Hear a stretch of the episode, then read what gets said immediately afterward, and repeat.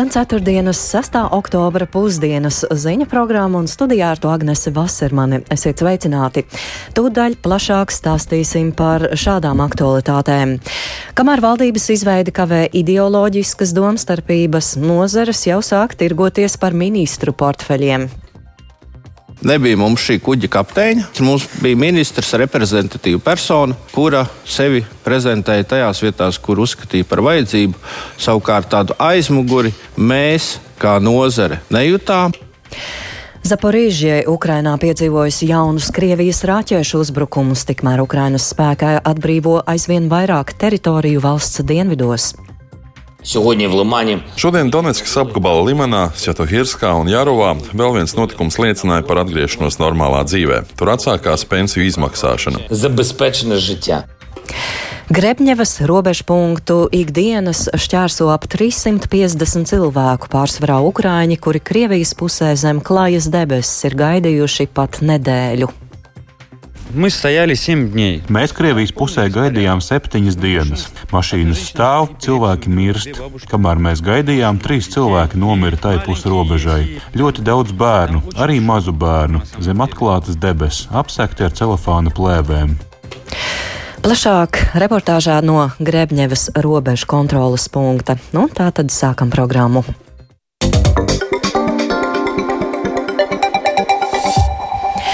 Iespējamās koalīcijas dalībnieku sarunas turpināsies ar apvienotā saraksta un Nacionālās apvienības tikšanos. Šie abi politiskie spēki iebilst pret partijas progresīvie iesaistīšanu koalīcijā.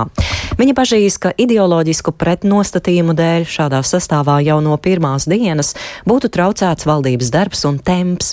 Tāpēc triju partiju veidotam politisko spēku modelim alternatīvu nesot. Vairāk Jāņa Kīņča ierakstā.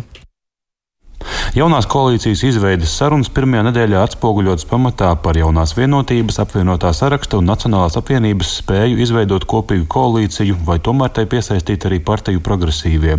Jaunā vienotība to aizstāv ar vēlmi nodrošināt stabilāku lēmumu pieņemšanu. Ilgadējā pieredze liecinot, ka stabilitātes vārdā koalīcijai vajagot vismaz 60 balsis. Potenciālai sadarbības partneri gan iebilst, jo pārsvars pār opozīciju būtu ar astoņām balsīm. Priekš kam progresīvos aicināt koalīcijā? Šādi šo jautājumu sarunā Latvijas radio atkārto viens no apvienotā saraksta līderiem Edvards Smiltēns. Paredzams, ka šo pozīciju apvienotais saraksts šajā pēcpusdienā nostiprinās sarunā ar Nacionālās apvienības pārstāvjiem. Gluži vienkārši mēs atsakāmies iet vienotības klasiskajā valdībā. Pirmkārt, izveidot valdību, kurā ir dziļi pretrunīgi spēki. Nu, tie betonē konfliktu jau saknē. Nu, skaidrs, ka progresīvajā Nacionālo apvienība tur ies pa gaisu tādā valdībā. Ko tas nozīmē vienotībai? Pirmkārt, viņa iegūst iespēju sabalsot vai nu ar vieniem, vai nu ar otriem. Manevru iespējas lielākas iegūst. Bet ko tas nozīmē krīzes gadījumā? Tu vari pārbalsot kādu no koalīcijas partneriem vienreiz, nu varbūt divreiz, un uh, trešā reize varbūt liktenīga nu, ka vispār koalīcija izveids. Tu grauj uzticības attiecības. Uz jautājumu par to, vai pēc valdības izveidas saruna līdzīgā manierē ar jaunās vienotības pārstāvjiem nedraud arī turpmāk, Smiltēns atbildēja noraidoši. Viņš ir pārliecināts, ka trīs partiju koalīcijā komunikācija būšot lietišķa un lēmumi daudz raitāki, jo izpaliks daudz liekas šķēpu laušanas. Pēc Smiltēna domām līdzinējā pieeja valdības darbā ļāvusi jaunajai vienotībai uzvarēt vēlēšanās, jo premjers un citi tās pārstāvji bieži vien uz citu koalīcijas partneru fonu izskatījuši izskatījušies saprātīgāki. Līdzīgi būtu, ja jaunajā koalīcijā iekļautu progresīvos, tā vērtēs Miltēns. Pašreizējās vārdu cīņas ir tieši saistīts ar interešu sfēru sadali un spēku līdzsvaru topošajā koalīcijā, pārliecināts ir politologs Filips Rajevskis. Tas taktiskais izklājums ir, ka abiem spēkiem, kas ir uh, apvienotais saraksts un nacionāļi, viņiem ir interese, ka viņi divatā līdzsvaro vienotību. Un tad tur sanāk apmēram tas līdzsvars valdībā, kad šie divi un pretī vienotība, tur tās balsis sakrīt, un viņiem tur ideoloģiski arī viņi tuvi, un viņi vienmēr ir bijuši. Šajā gadījumā, ja atnāk progresīvie, tad ir vienotība ar progresīviem 36 mandāti, un nu, tad vienotība var diezgan nopietni stūrēt. Nu, ir jāsaprot, ka tie progresīvie jau arī būs pilnīgi pakļauti vienotībai, jo tas jau ir vienotības izvēle, un to arī negrib pieļaut, jo tas stiprina vienotību. Par amatu sadalu partiju sarunas pirmajās nedēļās saruna vēl nav bijusi, uzsvēruši partiju pārstāvji. Taču modelējot situāciju, būtu grūti iztēloties, kā ar to tiktu galā šīs četras partijas, piebilst Rajevskis. Koalīcijā esot trīs spēkiem atbildības jomu sadala varētu notikt trīs līdzvērtīgās daļās. Savukārt grūti iztēloties, ka progresīvo piesaistīšanas gadījumā izdotos jau kāda saruna par līdzvērtīgu amatu sadalījumu. Valdības veidošanas sarunas tieši kā amatu dalīšanu vērtē Zaļo zemnieku savienības viens no līderiem Viktors Valainis. Viņš intervijā Latvijas radio izteicās, ka norobežojot ZZS no dalības valdībā, partijas grib iegūt vairāk amatu. ZZS esot gatavi kļūt par spēcīgu opozīciju, taču viņa prāt vienīgā iespēja izveidot stabilu rīcības spējīgu valdību būtu ar ZZS, tiesam ar citu premjeru. Jaunai vienotībai būtu jāmeklē cits premjeru kandidāts savās rindās. Mēs būtu gatavi šādas versijas apspriest. Un mēs redzot šobrīd politiskās ambīcijas, mēs neslēdzam, ka kāda cita partija arī varētu virzīt savu premjeramatu kandidātu. Jo labākais un pareizākais, kam būtu jānotiek, es domāju, pašiem politiķiem jāsaprot tas, ka Zaļo zemnieku savienības iesaiste politiku padarīs kvalitatīvāku tieši valdības procesā. Koalīcijas izveidē iesaistītie politiskie spēki pašlaik gan neizskata iespējas šajā procesā iesaistīt ZZS. Savukārt valsts prezidents Egils Levits koalīcijas izveidas sarunu vadību uzticējis tieši Kariņam, kuram uzdevis arī izklāstīt nākamās valdības veicamo darbu un reformu plānu. Jānis Kincis, Latvijas Radio. Kamēr koalīcija tā tad vēl netuvu nav ieguvusi konkrētus rāmjus un diskusijas par to sāk buksēt ideoloģiju un varas sadalas strīdos, politiskajā dienas kārtībā ir parādījusies pirmā cīņa par ministriju pārvaldību. Valsts prezidents Egils Levits izteicies, ka politiķiem, kas nav bijuši vēlēšanu kandidātu sarakstos, bet ir jau pārstāvējuši partijas augstos amatos, vairs nevajadzētu uzticēt politiskus amatus. Un tagad sākusies viedokļu apmaiņa, vai Kaspars Gerhards būtu pienācīgs Rīgas amata turpinātājs zemkopības ministrijā. Par to plašāk Lindas Zalānas ierakstā. Šodien lauksaimnieku organizāciju sadarbības padome sasaukusi valdes sēdi, kuras dienas kārtībā ir jautājums atbalstīt vai neatbalstīt Kasparu Gerhardu no Nacionālās apvienības, arī turpmāk ieņemt zemkopības ministra amatu. Lauksaimnieku organizācijas sadarbības padomas valdes priekšārētājs Guntis Gūtmanis stāsta, ka vairākums ir par to, ka Gerhards pie nozars ministrijas stūres turpina būt arī nākamajā valdībā. Vēlreiz esam aicinājuši ministru Kasparu Gerhardu tikšanos gribam izrunāt viņa turpmāko skatījumu. Un šajā situācijā, kas uh, šobrīd ir pasaulē, gan ģeopolitiski, gan arī lauksaimniecībā ar milzīgiem izaicinājumiem, energoresursu kāpumu un visu pārējo, Pirmkārt, mēs negribētu, lai ministra amatā nokļūst cilvēks, kurš nav saistīts ar lauksaimniecības nozari bijis, un nezinu, viņam vajag pusgadu, lai saprastu, ko ir jādara, kādas ir problēmas, un ieskaidros tie jautājumi, kas ir risinām, ir steidzami tūlīt un tagad. Skeptiskāks par Gerhardu ministra krēslā ir biedrības zemnieku saima. Valdes priekšādātājs Juris Lazdiņš sakot, ka no jaunās valdības un zemkopības ministra sagaida konstruktīva sadarbība, un tāda iepriekš nav bijusi. Tāpēc arī mēs vēlamies vēlamies pragmātisku ministru, ar ko mēs kopā varam sasniegt tos mērķus, kas mums ir jāsasniedz. Līdz šim bija tā, ka nebija mums šī kuģa kapteiņa. Mums bija ministrs, reprezentatīva persona, kura sevi prezentēja tajās vietās, kur uzskatīja par vajadzību.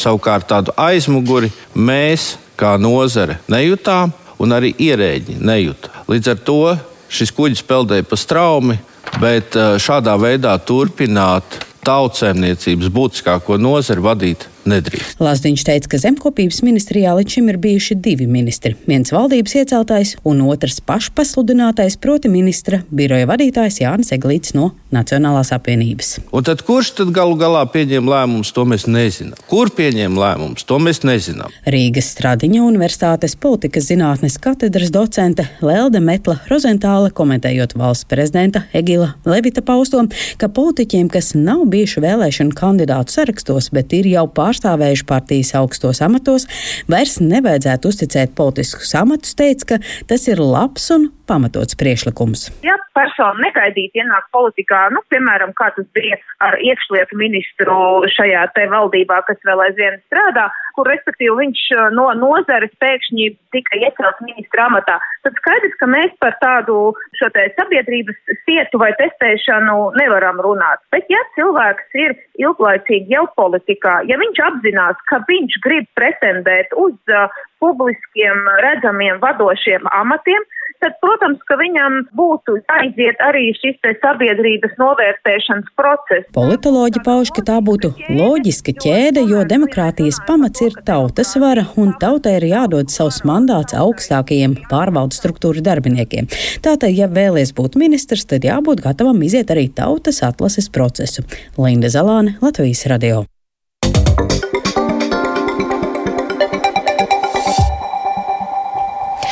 Un turpinām ziņu programmu. Pēc nu jau mazāk nekā stundas Čehijā Prāgas pilī sāks ierasties 44 Eiropas valstu politiskie līderi. Viņu vidū gan visu Eiropas Savienības valstu pārstāvji, gan Ukrainas, Moldovas, Grūzijas, Balkānu reģiona, arī Lielbritānijas, Šveices un Īslandes politiskā vadība. Šīs tikšanās iemesls ir pirmā Eiropas politiskās kopienas sanāksme. Sākotnējā ideja par jaunā fóruma izveidi pieder Francijas prezidentam Emanuēlam Makronam, kurš tajā saskata iespēju uzturēt sadarbību ar valstīm, kas vai nu vēlas iestāties Eiropas Savienībā, vai nu kādreiz tajā bija, vai arī vienkārši pārstāv līdzīgas vērtības. Un samita norises vietā Prāgā atrodas arī mūsu korespondents Arķoms Konohaus, ar kuru esam sazinājušies. Sveicināts Arķom! Jā, labdien! Kāds tad ir šīs pirmās tikšanās, šī jaunā fóruma galvenais mērķis? Galvenais mērķis šobrīd ir saprast, cik šis um, process varētu būt kopumā dzīvotspējīgs un vai šim formātam ir nākotne. Protams, tajā laikā, kad um, Eiropā risinās karš, ir svarīgi, ka valstu vadītāji šādās formātā 44 valstu vadītāji var sanākt kopā, var runāt par kopīgām problēmām, var runāt par drošību, var runāt arī par ekonomiskiem izaicinājumiem un uh, to, kā vajadzētu attīstīties.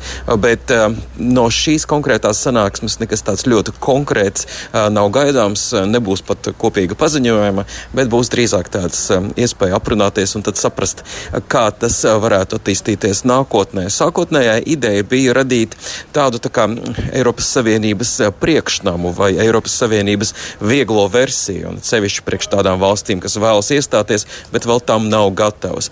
Vai tas šobrīd tāds formāts arī paliks, vai tomēr viņš mainīsies un kā tas attīstīsies, to tad attiecīgi rādīs laiks. Jā, Arķam, kā Latvijas diplomāti un politiķi uztver šo iniciatīvu par šo jauno fórumu? Latvijas diplomāti līdz šim ir skatījušies diezgan atturīgi uz šo jauno fórumu, jo baidās, ka tas varētu aizstāt jau esošos paplašināšanās procesu, sadarbību pieņemsim ar austrumu partnerības valstīm, un to, ka tas varētu kaut kādā mērā varbūt palēnināt Ukrainas vai Moldovas vai Gruzijas potenciālu nākotnē iestāšanās procesu Eiropas Savienībā. Tāpēc šeit izskan tāda piesardzība, tomēr no varbūt tādas sākotnēji noraidošas pozīcijas tagad daudz šie līderi ir nonākuši pie varbūt zināmas ziņkārības un vēlas redzēt, pie kā tas varētu novest un kā tas varētu izpausties. Bet eh, vai šim formātam būs eh, ilgtermiņa nākotne, eh, to tad mēs varēsim redzēt, un to droši vien lielā mērā noteiks, te būs arī kāda praktiski sadarbības projekta vai kāda nauda varētu būt pieejama mm, valstīm sadarbības veicināšanai tādās jomās kā, pieņemsim, transports, ekonomikas nozarēs, viesabunēšana ieviešana vai kā citādi. Tas vēl ir varbūt nākamais potenciālais attīstības posms.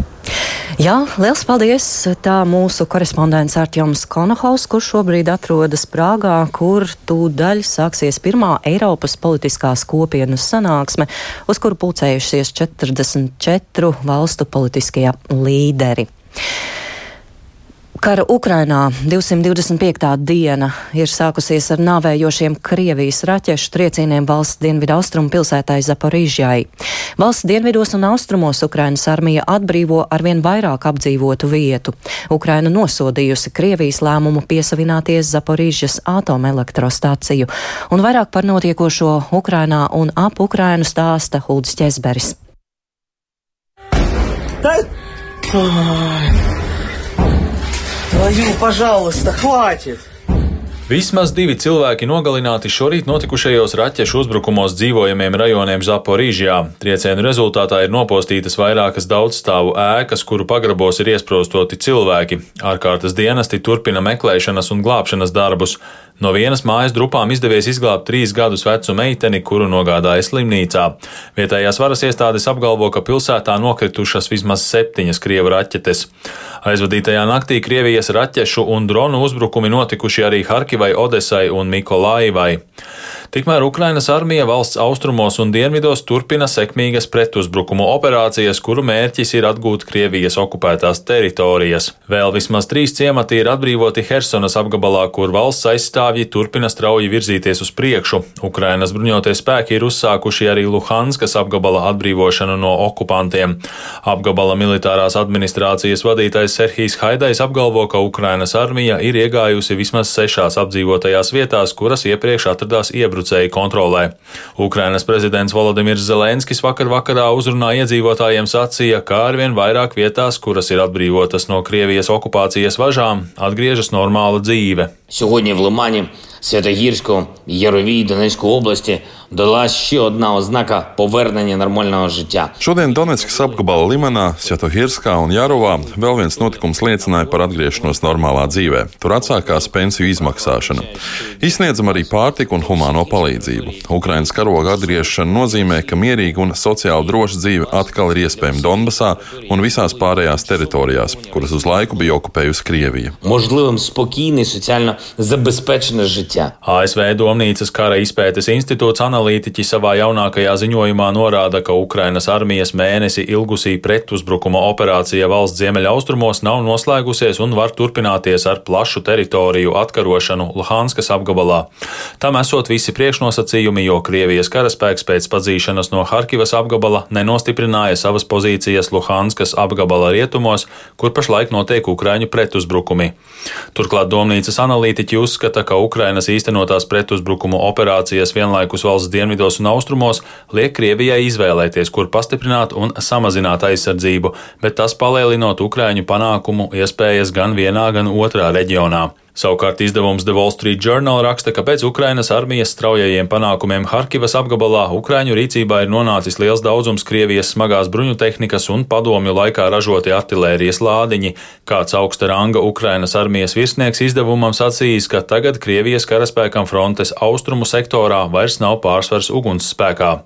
Ukrainas ārlietu ministrija ir nosodījusi Krievijas mēģinājumus piesavināties Zaporīžas atomelektrostaciju. Krievijas prezidents Vladimirs Putins vakar parakstīja dekrētu uzdodot pārņemt Krievijas īpašumā atomelektrostaciju, kas ir lielākā Eiropā.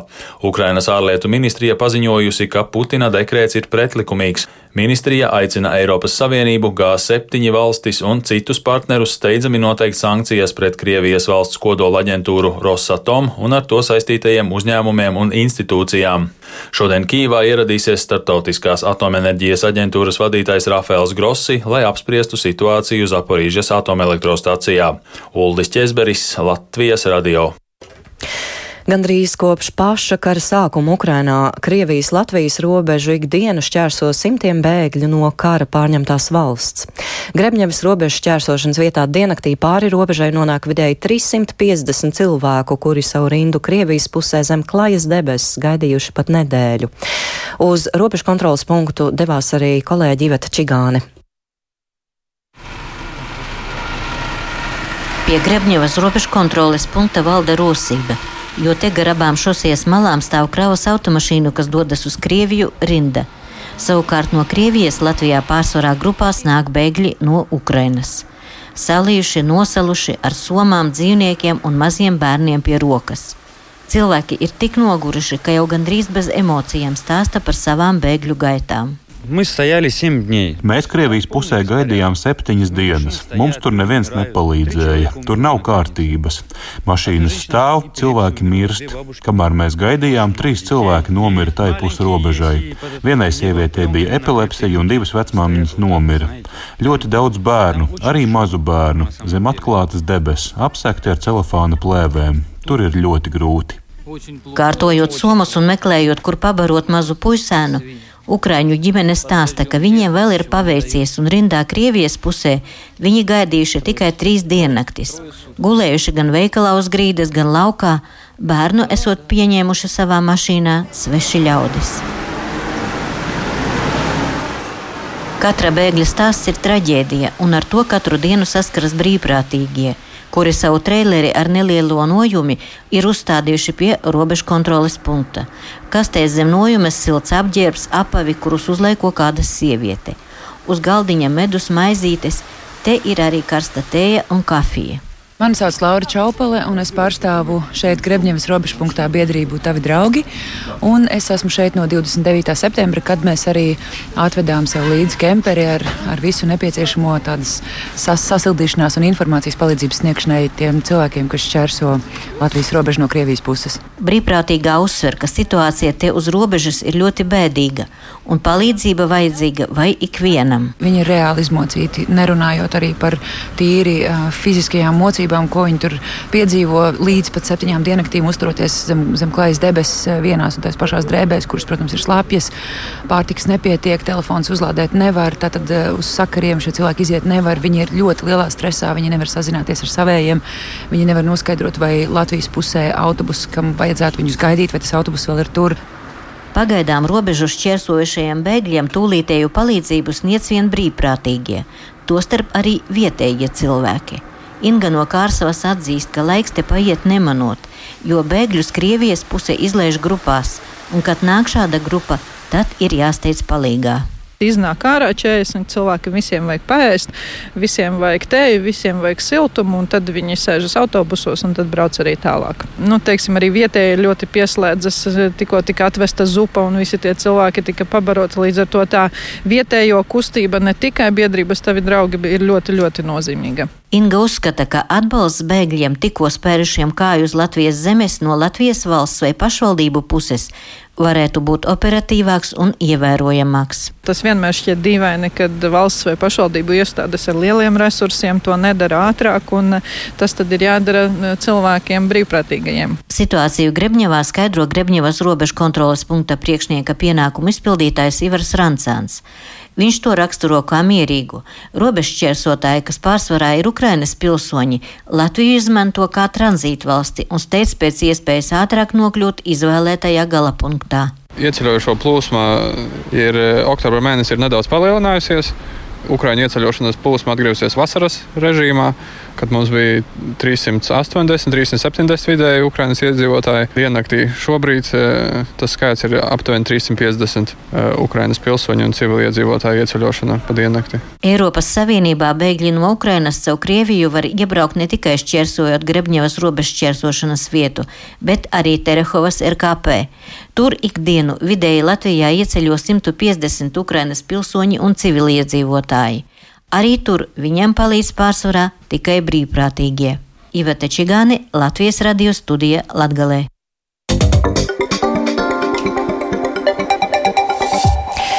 Un tepat Rīgās Sarkandaugovas ielu pārvadu būvniecība ir finiša taisnē, un šodien vairāk nekā 400 metrus garo konstrukciju pārbauda ar kravas mašīnām, un uz Sarkandaugovu šorīt bija devies kolēģis Viktors Demidovs, kurš šobrīd studijās veiks Viktor pastāst lūdzu, kā tad noritēja šī slogošana un kad beidzot varēs pa šo Sarkandaugovas ielu pārvadu braukt.